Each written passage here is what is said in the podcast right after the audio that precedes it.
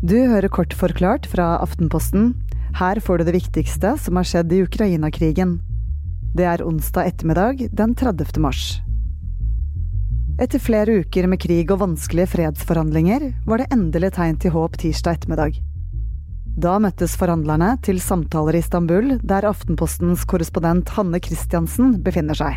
Det er jo veldig hemmelighetsfullt hva som foregår der inne, så man vet veldig lite om hva som faktisk blir sagt, og hvorvidt de følger manus til punkt og brikke, eller om det er litt, løsere form da, på samtalen underveis. Men eh, Hanne, noe har kommet frem. Hva er det Ukraina har sagt? Ukraina kom med en rekke forslag for å få slutt på krigen.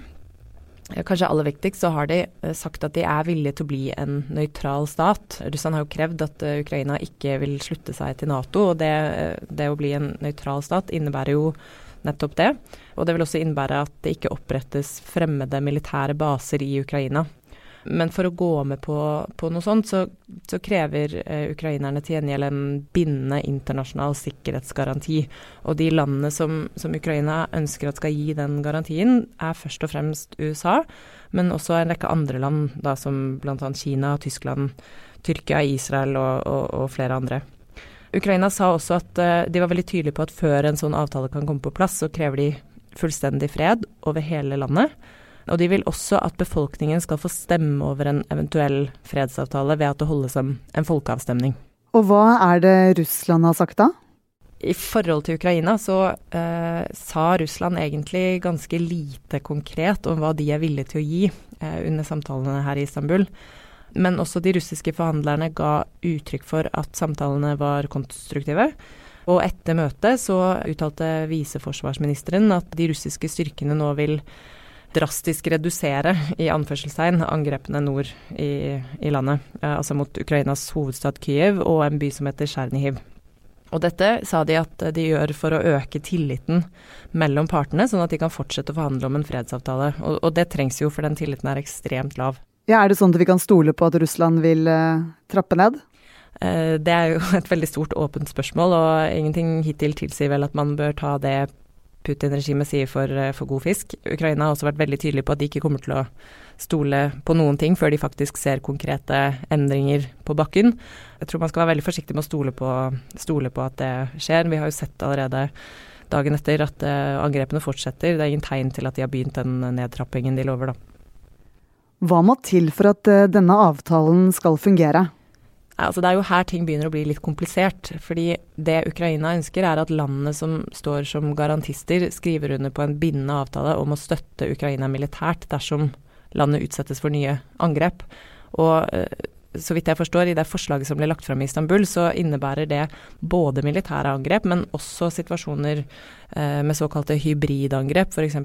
dataangrep eller eh, altså såkalte falsk flagg-operasjoner, at Russland iscenesetter hendelser for, for, å få et påskudd for å gå inn og, og gjengjelde. Men he helt konkret så vil altså Ukraina at garantistlandene skal gå med på at hvis det skjer et sånt angrep, så skal de snakke sammen innen tre dager. Og så skal garantistene deretter sende inn tropper, altså soldater på bakken, våpen, annet militært utstyr, og, og eventuelt også at de forplikter seg til å beskytte luftrommet og da er jo spørsmålet om det, altså hvordan det skal fungere, det avhenger jo veldig av hva land som USA er villig til å forplikte seg til. Dette med et såkalt flyforbud det har jo vært veldig vanskelig hittil. Nato er helt tydelig på at det er uaktuelt. Så spørsmålet er om USA f.eks. er villig til å forplikte seg til det i en fremtidig avtale. Og Hanne, blir det fred? Det var jo på mange måter positivt å se forsiktige tegn til optimisme etter samtalene i Istanbul. Men det er fortsatt fryktelig langt frem til en faktisk fredsavtale. Og det er jo verdt å merke seg forskjellene i på en måte substansen i det Ukraina la frem, og, og det russerne faktisk sa om hva de er villige til å gi. Da. Og som sagt så er den tilliten ekstremt lav inntil det på en måte kommer konkrete endringer på bakken i, i situasjonen for ukrainerne. Så er det nok veldig vanskelig å, å, se for seg at det blir fred med det første. Det er nok dessverre altfor tidlig å si.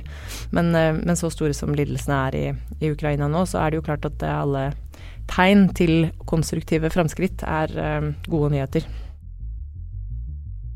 Onsdag sier en talsmann for Kreml i Moskva at det er helt uaktuelt for Russland å diskutere Krim.